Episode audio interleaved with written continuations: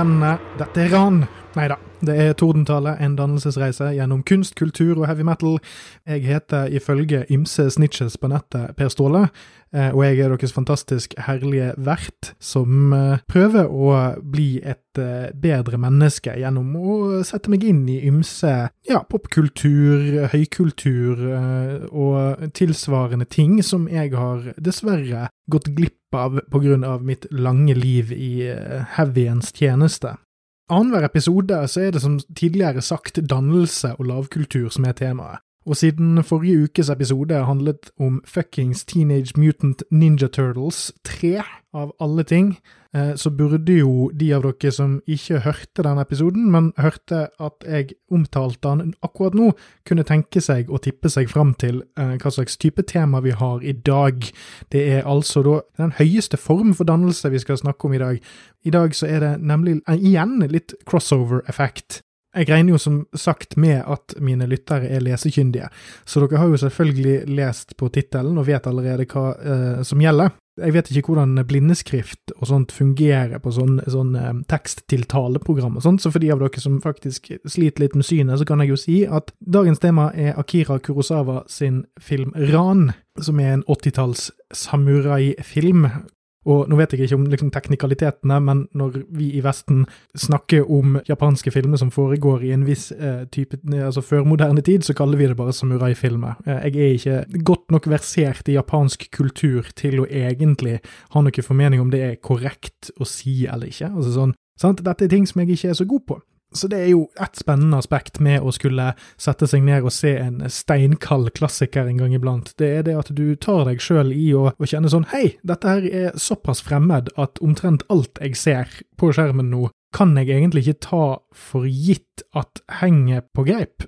Altså, selvfølgelig så vil jo, eh, vil jo, jeg kunne tenke meg til visse ting, men, men for å forklare litt, da. Eh, I en litt historisk kontekst så er liksom samurai-perioden som er jeg aner ikke jeg, men altså det går langt tilbake til 15-14-1300-tallet ish, og så helt fram til slutten av 1800-tallet. Men, men, det er noe med Selvfølgelig har jo jeg da sett uh, ymse filmer og ymse uh, fremstillinger av denne perioden, og jeg har et visst uh, forhold til vestlig romantisering av visse aspekter av denne kulturen og sånn. Men jeg, ikke, jeg er ikke fortrolig nok med japansk historie og kultur til å egentlig kjenne meg igjen i noe av det som kommer på skjermen. Så det som er morsomt med denne filmen konkret, er at her bare tar jeg for gitt at japanerne sjøl vet hva de driver med når det kommer til å fremstille sin egen kultur og egen historie i et eh, fiktivt narrativ.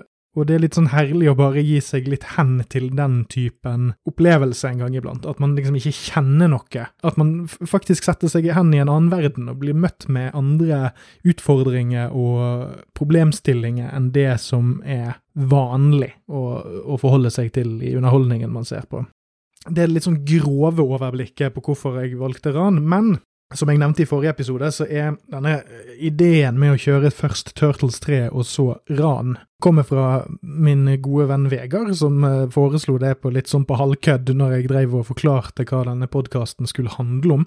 Men det slo meg som en jævlig god idé, fordi Turtles 3 er på en måte en, en destillasjon av forskjellige typer vestlige fortolkninger av ulike eh, japanske tradisjoner og, og myter. Sant? du har liksom selve ninjaskilpaddene, som er liksom en parodi på en parodi på en fiktiv fremstilling som er grovt forvrengt av noe som faktisk foregikk i eh, føydal-Japan. Altså at det, fant, det, fantes jo ninjaer på et eller annet tidspunkt, men de ninjaene som eksisterte i Japan, oppførte seg jo ikke, eller altså det har, det har nesten ingenting med det, den fremstillingen man ser i Ninja Turtles-filmene, eller Ninja Turtles-tegneserien, eller den franchisen. Men samtidig så plasserer Turtles 3 seg i føydal-Japan. Altså den, de reiser i tid tilbake igjen til 1600-tallets Japan med daimyoer og krigsherre og samuraikrigere og det som er. Så det, filmen har på en måte plassert seg sjøl i en japansk historisk epos-kontekst. Og da er det litt morsomt å da denne uken faktisk se på et av de største japanske filmeposene noensinne, i hvert fall når det kommer til hvor anerkjent han er, eh, og hvilken regissør det er snakk om, og se hvordan det virkelig gjøres, og liksom speile det litt i, i i ulike retninger. Eh, og, så, er det et annet aspekt her som var, var litt, litt, sånn bonusfeature når jeg tenkte meg om før jeg satte meg ned for å se filmen, og det er jo det at Og nå må jeg minne lytterne på at jeg gjør ikke så mye research før disse dannelsesepisodene. Jeg ser filmen eller hører på albumet og, og prøver å jobbe litt med det jeg ser eller hører, eller men jeg prøver òg å ikke, ikke, la meg påvirke så veldig mye av trivia og fun facts og, og, liksom informasjon som kan påvirke måten selve opplevelsen blir for meg. Jeg har kanskje ikke gått så veldig nøye inn på hvorfor jeg har valgt å gjøre det på den måten før, men jeg kan jo si det for så vidt nå at det, det som er fint med det, er det at når jeg i utgangspunktet har tenkt at jeg kanskje har fått en litt begrenset kulturell erfaring, altså det at jeg har låst meg veldig fast i mine egne ting, når det er utgangspunktet mitt, så er det òg da litt fint å, å gå blindt inn i ting jeg ikke kan noe om, og ikke la meg ja, altså rett og slett bare, bare få oppleve det litt sånn som en person som bare plukket dette opp, eller fant ut av det, eller ble eksponert for det i sin tid, ville oppleve det, før det ble en populær ting, eller en anerkjent ting, eller hva det nå måtte være. Det er, jo, det er jo egentlig en umulig oppgave, men jeg prøver å kutte vekk eh, liksom det forutinntatte fettet så godt det lar seg gjøre. Og det lar seg jo ikke liksom det er jo umulig, som sagt. Det er jo en umulig oppgave. Men, men så godt det lar seg gjøre, prøver jeg å, å, å, la meg ikke påvirke. Men når det er sagt, så var en annen heldig bieffekt med denne lineupen her, er jo det at jeg får dekket delvis en annen blindspot, eller blindsone jeg har innenfor litteraturen. Som da er at Ran er delvis basert på King Lear av Shakespeare.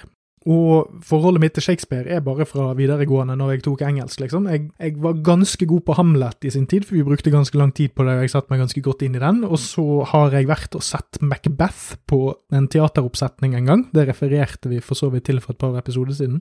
Ja, altså, jeg, jeg tror kanskje jeg har sett Mel Gibson sin Hamlet. Så utover Ja, og så har jeg jo selvfølgelig sett Løvenes konge, som er basert på Hamlet. Det, det er sant, men, men dette er jo, er jo, greien med Shakespeare. Han er jo den mest innflytelsesrike vestlige forfatteren gjennom historien, så selvfølgelig er vi alle bevisst på, eller burde være bevisst på, den, den rollen Shakespeare fortsetter å spille i den kulturen vi konsumerer. fordi at det, vi, det som produseres i dag, eller lages i dag, er jo påvirket av ting som har blitt påvirket av, som har blitt påvirket av, og så etc., etc., av Shakespeare. Eh, folk har studert og, og, spilt Shakespeare i hundrevis av år, og det flyter inn i alle sprekker i resten av kulturen vår. Eh, så da er det jo litt gøy å få, eh, få kjent litt på det, da. Altså, hvordan, hvordan, vil det dukke opp i en japansk film? Altså, Er det noe som ville være merkbart for meg, eksempel. Det var en ting jeg tenkte på før jeg satt på filmen. Er, ok, jeg kan ingenting om King Lear. Vil jeg merke de innflytelsene i manuset? Og vil det stikke seg ut, eller vil det smelte sammen med storyen? Sant? Altså det, det, er litt sånn stilige ting der. Og så kan jeg jo i tillegg ha så dårlig samvittighet. Jeg har for anledningen dratt fram en kopi av uh, The Complete Works of William Shakespeare, som jeg har hatt stående i, uh, i bokhyllen min uåpnet. Jeg kjøpte det på et loppemarked for mange herrens år siden, og så nå kan jeg ha den slått opp på King Lear uh, foran meg her på bordet mens vi går gjennom filmen, og så kan den tale til meg en, og gi meg dårlig samvittighet mens vi holder på. Så nå, nå, kan jeg liksom auraen fra Shakespeares samlede verke bare sive opp og inn i mikrofonen og hjelpe dere med å se for dere hvor utrolig udannet jeg er Eh, og så kan jeg jo kjapt si hva mitt forhold til japansk film er sånn generelt. da. Altså, Jeg har sett to filmer av Akira Kurosawa. Det er Seven Samurai og Rashomon. Jeg er ikke helt sikker på om jeg uttaler den siste riktig. Rashomon eh, så jeg som en del av et universitetskurs jeg tok en gang, eh, og da kom jeg inn eh, en halvtime for seint, og egentlig rett fra nachspiel, så jeg sovnet.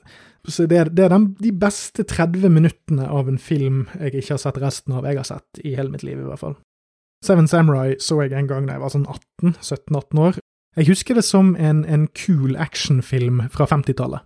Altså en actionfilm som på en måte Du skulle ikke trodd at du kunne lage så cool action så tidlig, men utover det så husker jeg ikke så ekstremt mye. Og så, og så vet jeg jo dette her med at Seven Samurai ble remaket i, i Hollywood som uh, Magnificent Seven, og ja, hvordan amerikanerne og japanerne har lånt fram og tilbake med disse cowboy- og samuraifilmene sine. At, at, amerikanerne har remaket japanske samuraifilmer som cowboyfilmer, og at japanerne har remaket amerikanske cowboyfilmer som samuraifilmer. Fordi det er en viss appell i de kulturene for denne enslige gunslingeren, eller enslige sverdsvingeren. Det er jo òg et, et, element jeg er klar over.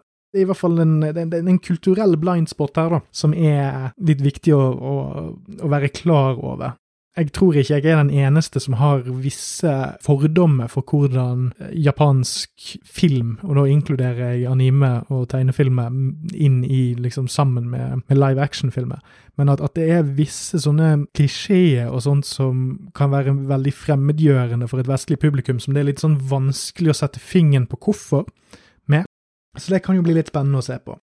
Da får vi nesten ta og sette litt i gang. Dette her blir jo da Det blir litt loosey-goosey, fordi jeg har tenkt det at med en såpass stor klassiker som dette her er, når jeg tar denne filmen for meg, så føles den veldig sånn monumental. Fordi at det er så mange ting jeg potensielt kunne tatt for meg, eller kunne beskrevet. Jeg kunne brukt ekstremt mye tid på å sette opp eh, de intrikate plot-tvistene, eller hvordan ting bygger seg opp mot hverandre og sånn. Det er ikke en veldig komplisert film sånn sett, syns jeg, men er Det er masse småting det er mulig å henge seg opp i og, og snakke detaljert om.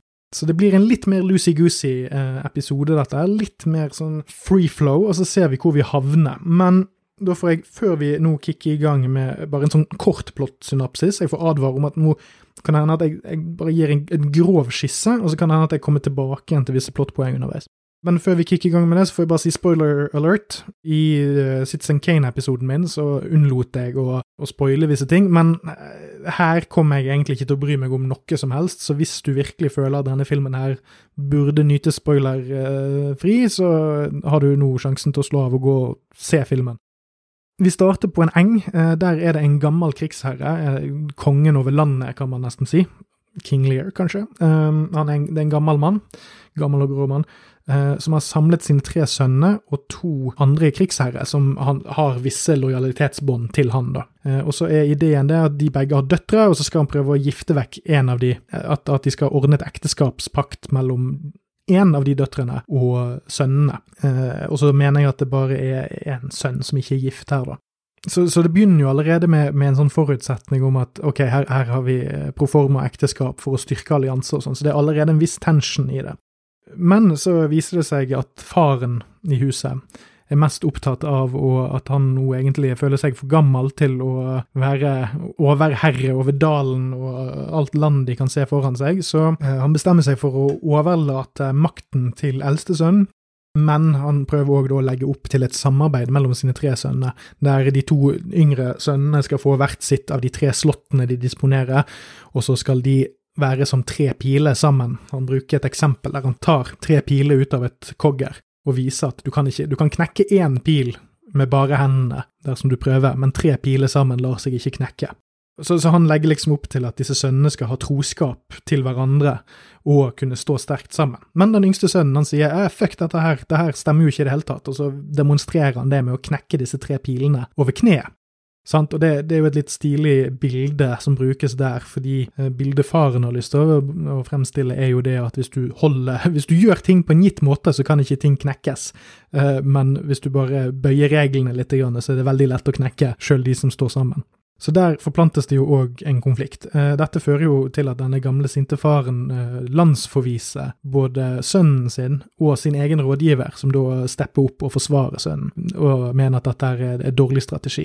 Så blir denne yngste sønnen, og det ser vi etter at um, scenen er over, så blir denne yngste sønnen oppsøkt av en av disse underlordene som var på, prøvde å få giftet vekk datteren sin. Han kommer og sier at ja, men du er landsforvist, men kan ikke du og din lille hær komme og slå deg sammen med, med min, så kan vi bygge en allianse der.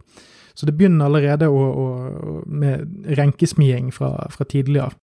Hvis jeg skal gå like detaljert til verks gjennom hele storyen, så uh, kan nok det bli litt slitsomt for oss alle. Men vi kan, vi kan ta en sånn short, shortlist på det. Det er at han her gamle, gamle faren, han har vært krigsherre i 50 år. Og har underlagt seg alle motstandere på det mest brutale vis. Og begge konene til hans gifte sønner er for eksempel omtrent de siste overlevende fra konkurrentene i denne dalen, eller denne, den, dette, dette landet. Eh, dette er ikke en god mann, dette er en mann som har brukt hele livet på å være voldelig, og nå prøver han å være sentimental eh, og trekke seg unna med, med æren i behold. Eh, der han har på en måte rigget det opp sånn at eldstesønnen tar over all formell makt, men han skal kunne fremdeles, altså faren skal fremdeles kunne ha en, en, en gjeng med, med, lojale krigere, og så skal han flytte rundt mellom disse slottene og bo hos sønnene sine, og på en måte leve ut livet sitt. Som, som på en måte en slags syvende far i huset. Han vil fremdeles bli behandlet som om at han er den øverste herren, noe som igjen da fører til at han kommer i konflikt med sønnen sin og hans kone, som påpeker det at, eller mer eller mindre påpeker overfor sin ektemann, at så lenge gamlefar beholder alle krigsregaliene eller alle de bannerne og familierustningen og sånt, så har ikke sønnen egentlig overtatt makten. Så mye om men faren ender òg opp med å bli forvist fordi han begynner å yppe med sønnen sin. Eh, og dette her eskalerer da over tid. Um, det viser seg òg at denne mellomste sønnen han er jo òg da misfornøyd med at han ikke får makten, og har ikke lyst til å være en sånn underdanig juniorpartner i storebroren sitt, sitt rike.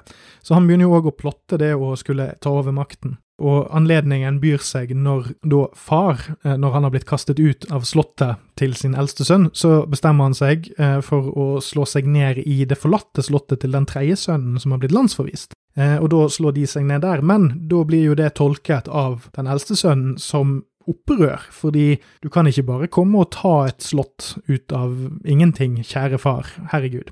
Så da blir det en total nedslaktning av faren sine styrker i dette slottet. Ehm, men der ender òg eh, eldstesønnen opp med å bli skutt i ryggen. Uvisst av hvem, men så blir det jo sterkt hentydet til at det er da rådgiveren til den mellomste sønnen som kanskje hadde et vådeskudd der. Og da er det den mellomste sønnen som blir overherre. På grunn av at ingen egentlig har hjerte til å slå han i hjel eller å ta han med seg hjem, så får da den syvende far, eller far i huset, holdt jeg på å si, han, han blir gal under denne beleiringen, og så bare han, bare vandrer han ut av slottet til slutt mens det står i brann, og bare vandrer ut i det som for meg fremstår som et ørkenlandskap. Eh, de som er gode på geologi, vil kanskje kunne forklare hva slags naturfenomen dette er, men det er i hvert fall noe som ser ut som svart sand eller jord i sånne veldig store, åpne landskap i, eh, i Japan. Um, han vandrer ut der sammen med narren sin, og roter rundt der i det som føles som evigheter. Og etter dette så tar jo da mellomstesønnen uh, inngår et forhold med enken til sin da avdøde bror.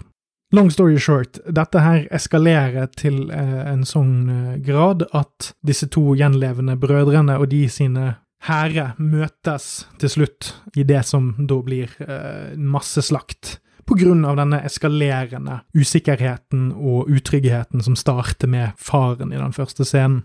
Alle dør på spektakulært vis, er i hvert fall enda på soga. Jeg håper ikke at det hørtes så kaotisk ut for dere som det kunne kjennes ut å si det for meg, men noe av det som gjør det litt sånn ja, utfordrende å skulle yte denne typen film rettferdighet, er at du må vise han en viss type respekt. Og jeg har veldig lyst til å være god på å gi detaljert plott til lytterne, sånn at vi kan liksom gå inn i materien sammen og sånt, men så har jeg òg merket at er, man går seg lett vill i detaljer, og man henger seg ofte opp i ting som kanskje kan ja, fremstå litt mer subtilt i andre detaljer og observasjoner. Så jeg, jeg, nå har jeg prøvd å å legge landskapet litt, eller, eller, skissere litt landskapet for dere. Uh, og så skal, tenker jeg nå at jeg skal gå litt gjennom hva liksom bildet og settinger og, og, ting som sitter litt igjen, da, og så kanskje snakke litt om de helt konkrete tingene. Og så prøve kanskje å male et litt sånn, ja, male et bilde av det, det inntrykket man sitter igjen med etter å ha sett dette her. Fordi hvis, hvis jeg lukker øynene mine nå og, og, tenker sånn, hva er Akira Kurosawas ran? Hva, hva er det for meg? Det er sterke primærfarger gjennom flagg, for eksempel. Alle hærene i filmen er fargekodet. Det blir satt opp allerede tiden i første scene, fordi disse tre sønnene har på seg helt distinkte farger. Eh, og det er fargene til eh, husene deres seinere i filmen, så alle mennene deres har sånne flagg som stikker opp av reven eh, med riktig farge, sånn at du alltid kan se hvilket hus som er hvilken hær, og det er lett å orientere seg i slagscenene, som ellers er sinnssykt kaotiske. Jeg aner ikke om det var en ordentlig taktikk man brukte på den tiden der, men det er en, det er en veldig lur filmatisk teknikk, i hvert fall. Um, jeg regner nesten med at dette er historisk korrekt til en viss grad. Som sagt, veldig fargesprakende, uh, men ikke på en sånn veldig glorete måte, bortsett fra Eller det er, jo, det er, jo, litt sånn øye som ser, da, fordi det er veldig vanskelig for et utrent øye å se om dette her er en god gjengivelse av Føydal-Japan, eller en glorete 80-tallsfremstilling eh, av det. Fordi det er en, en narr, en narrefigur i denne filmen. Eh, første scenen han dukket opp i, som òg er den første scenen i filmen, så så det ut som han gikk i en 80-talls grilldress. Altså sånn som moren min brukte før i tiden. Sånn, du, kan se det for deg. Sånn, her, sånn, sånn, sånn eh, gul, hvit, lilla, prikkete med tigre på, eller et eller annet sånn tullete Puma-joggedress fra 1986. Og, og, i tillegg så er denne, denne eh, narren litt sånn androgyn, så han har sånn Grorudpalme på hodet. Og, og, og løper litt sånn frem og tilbake, så man, man, lurer litt på om du kanskje har satt på en sånn her eh, Kari Jakkesson The Early Days-videotape eh, til tider. Eh, og dette kan òg gjenspeile seg litt i disse her sånn fargerike kimonoene som disse sønnene går med, og disse adelsfolkene og sånn.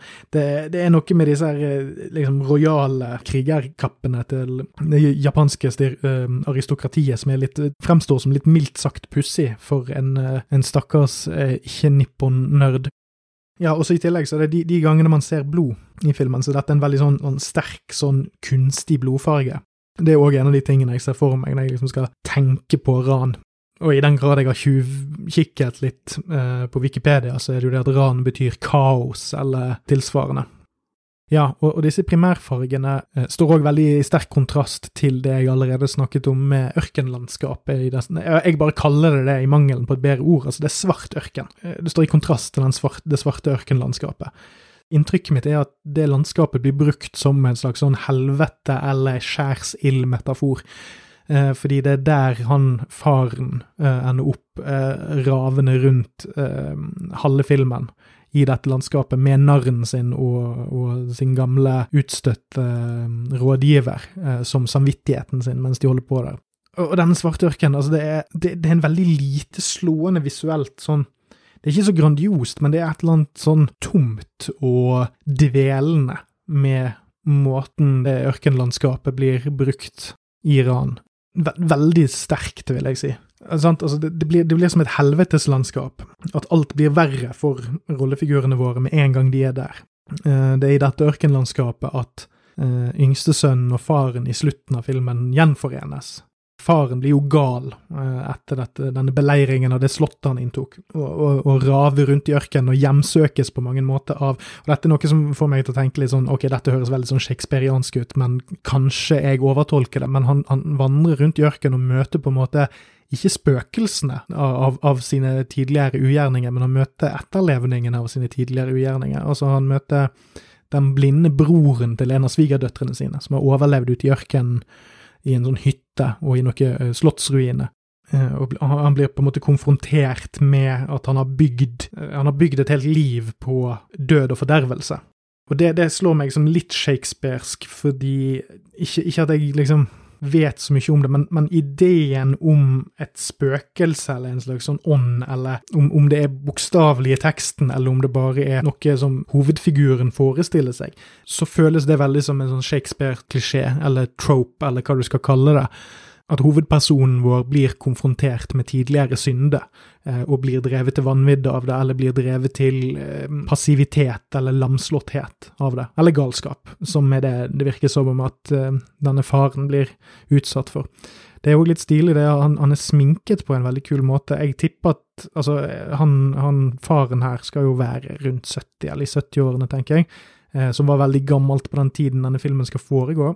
Uh, han er åpenbart spilt av en litt yngre skuespiller, føles det som. Og det er egentlig, altså, han er ikke sminket som en realistisk gammel mann, men det er Han har langt hår og bukkeskjegg og sånt, og så er det, er det noe med sminkingen som på en måte understreke eller fremheve en litt sånn hodeskalleaktig side av ansiktet hans, eh, samtidig med liksom eh, aldring. Eh, og dette får forskjellige utslag i løpet av filmen, fordi tidlig i filmen så er han veldig sånn er han veldig lidenskapelig, eller veldig sånn han bråsint og, og, og truer med vold og er aggressiv. men sakte, men sikkert, som uh, disse konfrontasjonene han har, strippa han mer og mer for det han vil kalle verdighet og respekt, jo mer patetisk blir fremtoningen hans. Så det som tidlig i filmen virker nesten litt skummelt, på hvor uh, stram han er, så uh, er det flere tidspunkter seinere der du nesten ser han som et slags levende lik. Og det er egentlig bare sånne subtile sminkeendringer underveis. Og jeg, jeg vil si at etter visse standarder så er det, er det en nesten for teatralsk sminking av han. Men siden dette her er da i en, en, en, annen kontekst, en annen situasjon enn det du kanskje ellers ville sagt at det ble for teatralsk i, så funker det. Eh, det er et eller annet med hvor stort lerret vi spiller ut disse egentlig ganske små konfliktene mellom disse, disse mm, slektningene. eh, som gjør at den, den karikerte eh, gammelmannssminken fungerer overraskende bra. Så får jeg òg nevne det at narrefiguren slår meg òg som klassisk Shakespeare. Denne narren til faren driver ofte å beskrive overfor seerne hva som foregår, nesten litt i klartekst, men gjennom litt sånn sanger og dikt som han egentlig fremstiller eller fremfører til eh, krigerne eller til herren sin. Um, det kan faktisk eh, på noen måte virke som om det er narren som fremprovoserer den første konfrontasjonen mellom far og sønn etter at maktovertagelsen har, et, har, har blitt gjennomført. Der narren gjennom flere dikt som han fremfører live, forteller at denne sønnen ikke er Han har ikke ryggrad, mens det er faren som er tøff. Ja, litt, sånne ting. Han forteller oss som ser på, hva som foregår i det indre livet til herren hans, og så sakte, men sikkert gjennom filmen så går han kanskje litt mer over i en slags sånn frustrasjon, men det, det, det føles veldig shakespearsk. For, for, det første, dette med narr. Jeg vet ikke hvor vanlig det var i Japan, men det var jo mer vanlig i europeisk kontekst, med ulike sånne hoffnarre og sånt. Eh, men jeg, jeg har òg liksom et bilde i hodet av, av narren som en sånn sannhetsforteller i Shakespeare, og en som er med på å ta subteksten i stykket og gjøre det til tekst. Altså det som var usagt mellom figurene, blir sagt gjennom narren. Eh, og det var litt artig å kjenne på når jeg så filmen, at, at der begynte liksom det shakespearske å, å ta, ta, form foran øynene mine, og det var en eh, det, det er så morsomt å kjenne på det når man egentlig ikke kan si at det er det som skjer. Altså, jeg, jeg visste jo ikke egentlig eller jeg kan, altså, og det kan godt hende at jeg kan gå og sjekke opp dette her med en gang denne episoden er ferdig, og finne ut at jeg tar feil. Men det var veldig spennende å sitte og, og plutselig liksom bruke dette med Shakespeare som en sånn, sånn rettesnor for å prøve å, å, å navigere gjennom, gjennom plottet. Nå, nå, tenkte jeg jeg òg skulle gå gjennom noen av mine favorittscener jeg kan jo begynne med at det jeg virkelig, virkelig liker, er at filmteknisk sett så føles denne her filmen både gammel og datert ut, men samtidig evig og klassisk. Og det, det mener jeg med det at Kurosawa var jo en dude som holdt på i mange tiår og utviklet evnene sine. Og man får virkelig inntrykk av at dette her er en mann som opererer på uh, the top of his game. Det, det, er, ikke, det er, ikke, en gammel jubb som ikke vet hva han driver med, en, en stotrende gammel uh, fjott som har passert middagshøyden her. Altså, det er, det er en visjon, og det er en, en veldig klar retning filmen tar som alltid kjennes eh, sann, selv om du ikke nødvendigvis kjenner til japansk kultur eller æreskodeks eller sånt, men det, historien kjennes sann, uavhengig av hvor fortrolig du er med samuraifilmsjangeren eller japansk film eller sånt. Altså, det, er, det, er en, det er en helhetlig gjennomført film som fremstår som et godt helstøpt prosjekt. Men samtidig så er det noe, altså åpningssekvensen er en villsvinjakt uh, ute, ute, i Japans enge. Og der, der merker du f.eks. at altså der kan du se at for hvert villsvin som løper forbi uh, kameraet, så, så, kan du se et kutt i filmen. Altså at, at kameraet har ikke flyttet seg, men det er noe gressstrå som bare akkurat beveger seg noen millimeter. Og det er det jeg mener med datert. Dette er fra en tid der du, du kunne kanskje lagd noen filmtriks for å unngå det der, men men det ville krevd for mye. Så det, det er den, den, måten du kan si at det er datert på, men, men det, det, betyr ikke noe, egentlig. Eh, det er noen få sånne steder du kan merke det, men i det store og det hele så er det en, en veldig det er en, det er en, ganske lang film, to timer og 40 minutter, eller noe sånt, men den føles aldri som om den er treig, på samme måte som en del gamle sånne eposfilmer fra 50- og 60-tallet kan føles treige. En annen favoritting er at og det, det, beveger seg jo litt over i det at jeg liker natur, bruken av, eh, av, natur i denne filmen her. Fordi det føles som om selve landet Japan er en figur i filmen. Det er mange scener der nesten hele bildet er beslaglagt av store, grønne åser eh, og mye åpen himmel, og at rollefigurene våre, som vi følger med på, eh, bare er sånne små nesten flekker i bildet. Så på, på, et vis så klarer Kurosawa å, å, fange det at selv om vi aldri ser Vi ser ingen, nesten ingen bønder i filmen, for eksempel. Det er bare soldater og krigsherrer mot hverandre. Men takket være denne bruken av landskapet, altså disse her flotte sånne grønne åsene, eller det er jo fjell egentlig, men det er sånn, her i Norge er vi vant til at et fjell, da, ser vi faktisk stein opp i det fri, men her så ser du aldri det. Du ser bare store masser med grønt. Eh, og det er noe med denne bruken av Japan, eller lands, av landskapet, som en rollefigur i filmen, så får du òg et inntrykk av at det er dette landet de slåss om. Det er det som er viktig. Vi trenger ikke å se så mange sånne bønder eller småfigurer. Det er, det er selve liksom sjelen til landskapet, eller eierskapet til landskapet rundt seg de, de, de slåss om. Uh, jeg tror òg åpningsscenen, med, som jeg har gått tilbake igjen til gang på gang på gang nå, der tror jeg det er sånn at det òg er en, uh, en, sånn duk uh, bak de, som kutter scenen i to, mer eller mindre. Så du har rollefigurene våre nede sittende i sånn lotusstilling i et sånt møte på gresset, og så har du veldig sånn vakker, fin, blå himmel på toppen. Så det, det er masse stilig bruk av, av landskap og, og, og, natur her, eh, som kanskje òg har en viss eh, buddhistisk eh, connection, eh, som jeg ikke orker å gå inn på akkurat nå, men det er òg en del Det er noen buddha-symboler og, og, litt sånne ting som òg ligger og, durer i, i bakgrunnen her, etter hvert som vi holder på. Ja, og så Når det kommer til de konkrete favorittscenene jeg har, så er det, er det spesielt en på slutten. Som jeg nevnte tidligere, så inngikk jo denne mellombroren et forhold med enken til eldstebroren. Og ingen av disse alliansene er kjærlighetsallianse, for å si det sånn.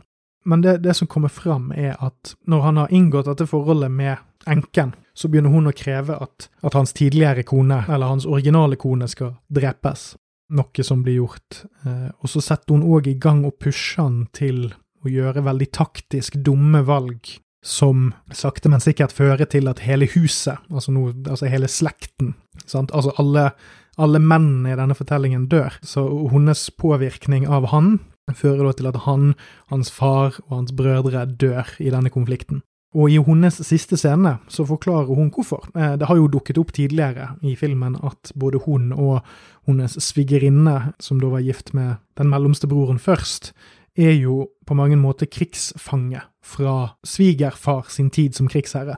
Altså, han har brent ned slottene de vokste opp i, bortsett fra hun, da. Hun er jo nå fange i det slottet som hun vokste opp i. Eh, men hele familien hennes er slaktet, eh, drept. Og hun spiller hele filmen veldig kaldt og, og, kynisk og kalkulerende. Også i siste scenen så tilstår hun alt, mens fienden er på dørene og slaget er tapt, mer eller mindre. Så står elskeren hennes og hans menn der og konfronterer hun med hva hun har gjort. Og så sier hun at eh, siden den dagen eh, familien min ble drept, så har mitt eneste ønske vært å se hele denne jævla klanen brenne. Og så er det en, en det er vel rådgiveren til mellomstebroren som tar opp sverdet sitt og kutter av henne hodet i en veldig stilisert scene som er ganske sånn utypisk for denne filmen. Du, du ser ikke at han kapper av henne hodet, men det er en enorm blodsprut som spruter opp på veggen, mens uh, selve kroppen hennes er liksom dekket over av uh, en, noen som står med ryggen mot kamera. Som er en veldig sånn anime-greie. det, det, virket veldig som en sånn videovold på 80-tallet-scene. Det er det nærmeste jeg har kommet sånn spekulativt. Men jeg har jo litt sansen for sånn over the top-vold. Men det som var så tøft med denne scenen, var at jeg hadde hele tiden i bakhodet mitt det at har ikke Shakespeare en sånn greie med, med sånn utspekulerte kvinnfolk og lady Macbeth? Og er ikke det òg noe bibelsk med dette, dette, med at kvinnfolk driver og lokker menn ut i ulykken og, fordi at de er selvopptatte og, og ikke ser det store bildet og er kjipe?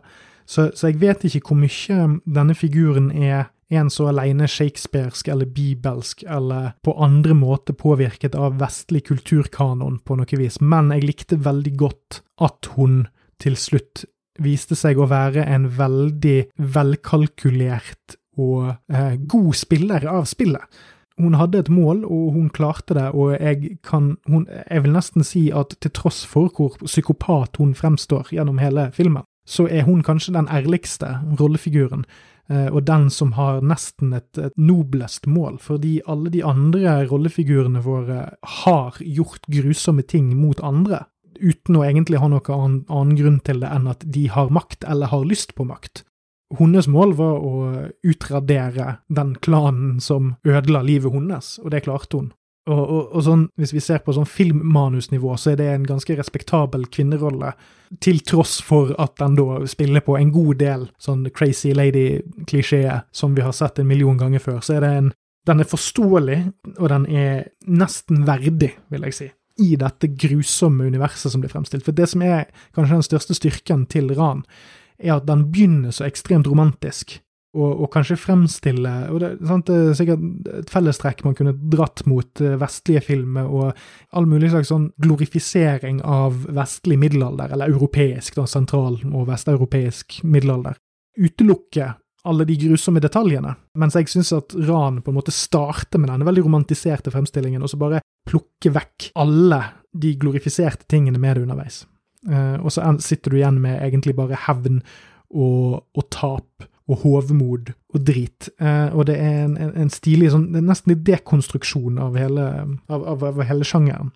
Jeg liker også slagscenen ved Slottet, eh, når de inntar Slottet der faren har forskanset seg med sin lille gruppe med krigere.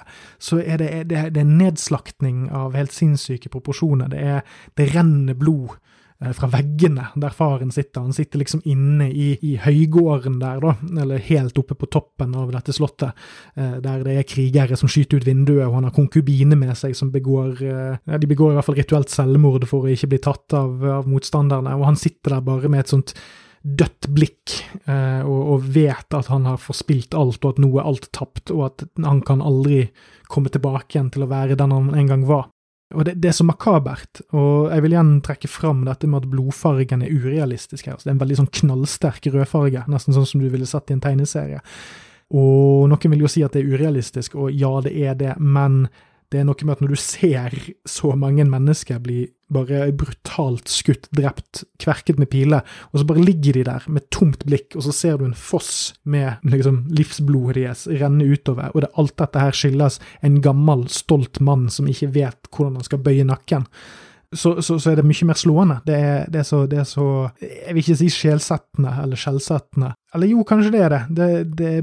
Fordi filmen opp til det punktet virker veldig standard. Altså igjen dette romantiske, dette forhistoriske, dette, dette noble uh, krigersamfunnet på et slags vis. Og så bare er det en Og det varer lenge.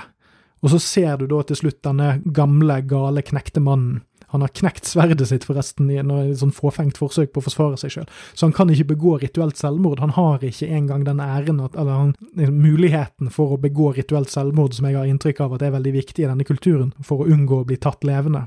Det, han, ikke, han har ikke engang den muligheten. Så han kommer stormende ut av et brennende slott, som er et ordentlig slott de bygde på ordentlig, ser det ut som, og de har satt fyr på og puttet en gammel mann inni for at han skal løpe ut av, og, og styrte ut i ørkenen, eh, og ingen egentlig har hjerte til å stoppe han fordi at de fremdeles har en slags vag respekt for den han var. Det, det er sånn Jeg tror både Freud og uh, Jung og en hel drøss med andre psykologer og psykonauter kunne satt seg ned og, og lagd en ganske lang smørbrødliste over de ulike familieaspektene og eksistensielle krisene og sånt som er i spill i den scenen der. Fantastisk. Så, spørsmålet er, kan denne anbefales? Ja, definitivt. Jeg mistenker at det kommer til å være svaret mitt nesten alltid i disse kulturepisodene, fordi jeg er egentlig ikke sikker på om det er min rolle å skulle erklære at noe er verdig eller uverdig kultur. Jeg kan forklare hvordan det appellerer til meg som med, med, den bagasjen jeg har. Så kan dere som lyttere en, ta en avgjørelse på hvorvidt det høres ut som en fornuftig anmeldelse med det i bakhodet. Men jeg tror jeg alltid kommer til å ende opp med å si ja, se det, fordi jeg syns ikke at jeg syns at folk burde eh, unne seg sjansen til å finne ut av ting på egen hånd. Men samtidig så skal jeg jo òg være såpass ærlig at hvis jeg kommer over noe jeg syns er dritt, og syns ikke er verdt tiden min, så kommer jeg til å si det. Men det skal veldig til når det kommer til denne typen eh, popkultur, eller denne typen medie, fordi det er så mye bagasje, så man får alltid satt i gang trinsene i hjernen. Og, og du får alltid knust litt vann ut av den steinen, uavhengig av om man liker filmen eller ikke. Men når det er sagt, så likte jeg denne filmen jævlig godt. Eh, det kan godt hende at jeg ser han igjen om ikke så veldig lenge. For det er liksom en av disse langdryge filmene som føles veldig kort, eh, og som holder oppmerksomheten din, og som egentlig ikke er spesielt flashy. Den ikke, som jeg sa tidligere, den føles filmteknisk både gammel og evig simultant. Eh, og det er fordi at den er Ja, altså Bare for å gi et eksempel. altså sånn, Du kan se slagscenene her, og du kan se altså du, du kan se måten ting blir filmet på, klippet på. Det er utrolig lite bemerkelsesverdig, men samtidig er det nettopp den ubemerkelsesverdigheten som er det fantastiske med det. Det er, det er et håndverk som er så godt gjort at du legger ikke merke til det, med mindre du prøver. Og det er alltid imponerende. Det er alltid stilig når man bare tar seg fem sekunder og puster, og så bare sånn Hei, hva er det han gjør nå? Og det, det er stilisert uten å være falskt. Det er brutalt uten å være groteskt. Det kan gi deg en følelse av ekstrem fortapelse, eller at alt har gått til helvete, og, og fordervelse, men uten at det blir makabert. Det er en, egentlig et, et sty godt stykke imponerende filmarbeid, som både tar for seg en veldig menneskelig historie, men òg klarer å gjøre det episk og nesten fabelaktig, da med bindestrek, for å ikke få det til å høres ut som fabelaktig, men altså som en Altså som et eventyr, som en fabel, som en fortelling, men samtidig så virker det som om at det, det kunne vel så gjerne vært en sann historie. Dette kunne vært en, en, helt konkret gjenfortelling av en helt konkret hendelse som har skjedd en gang, på ordentlig. Og det er en utrolig prestasjon. Og så skal jo vi jo være forsiktige med å gi Kurosawa all æren for dette her, men han har, uh, han har i hvert fall uh, ledet hele gjengen sin uh, godt i mål her. Eh, og så er det òg det at det er interessant å se vestlig kulturkanon tolket gjennom østlige øyne. Kontinuerlig gjennom filmen så kjennes det ut som om at du har sett dette før, sjøl om du ikke har sett det før. Eh, men du har garantert sett en avart av ran i en eller annen ting du liker.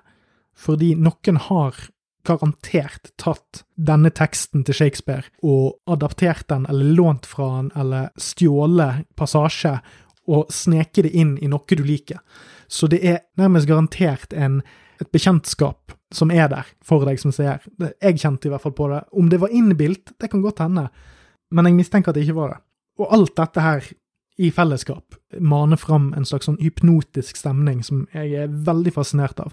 Det er en god stund siden jeg har kjent på at det har vært så lett å sette meg inn i noe som er så fjernt for meg og som gjør meg litt glad for at jeg ikke utsatte denne ukens episode for å lage en impromptu-episode om Zack Snyders Justice League, fordi det har jeg veldig lyst til å gjøre en gang, men ikke denne uken, fordi at ting er for betent, ting er for anmasende. Jeg har ekstremt lyst, som sagt, men det må bli en gang når eh, alle hoder har roet seg ned, eh, og det er mulig å snakke om ting på en noenlunde avbalansert måte. Uansett, eh, jeg håper at dette hang noenlunde på greip. Det har som sagt vært en litt mer løsaktig episode, litt mindre stramme tøyler enn det har pleid å være. Se filmen hvis, dere, hvis, det høres ut som noe som er interessant for dere. Dere kommer ikke til å angre på det. Og så, neste uke, så er vi nå, Jeg liker å bruke ordet oppløpssiden, men da er vi faktisk på oppløpssiden på hele denne batchen med episoder. Jeg har alltid planlagt å ha ti episoder før jeg tar meg en god pause, og nå er vi på de to siste, og de skal være litt sammenknyttet, som jeg har klart å gjøre nå, eh, de par siste gangene. Men som dere sikkert har gjettet, så blir det heavy i neste ukes episode. Og det blir tredje albumet til verdens kanskje mest undervurderte skinnunderbukseband, eh, som heter Man... Man Manowar. Utrolig nok. Vi har, vi har, jo ikke snakket om det bandet før. Men det tror jeg blir jævlig fett. Eh, det blir i hvert fall eh, en stilig opptakt til det som jeg tror blir eh, en ganske god finaleepisode på disse ti første jomfruturepisodene av Tordentale. Så til neste uke, peace out. Vi snakkes!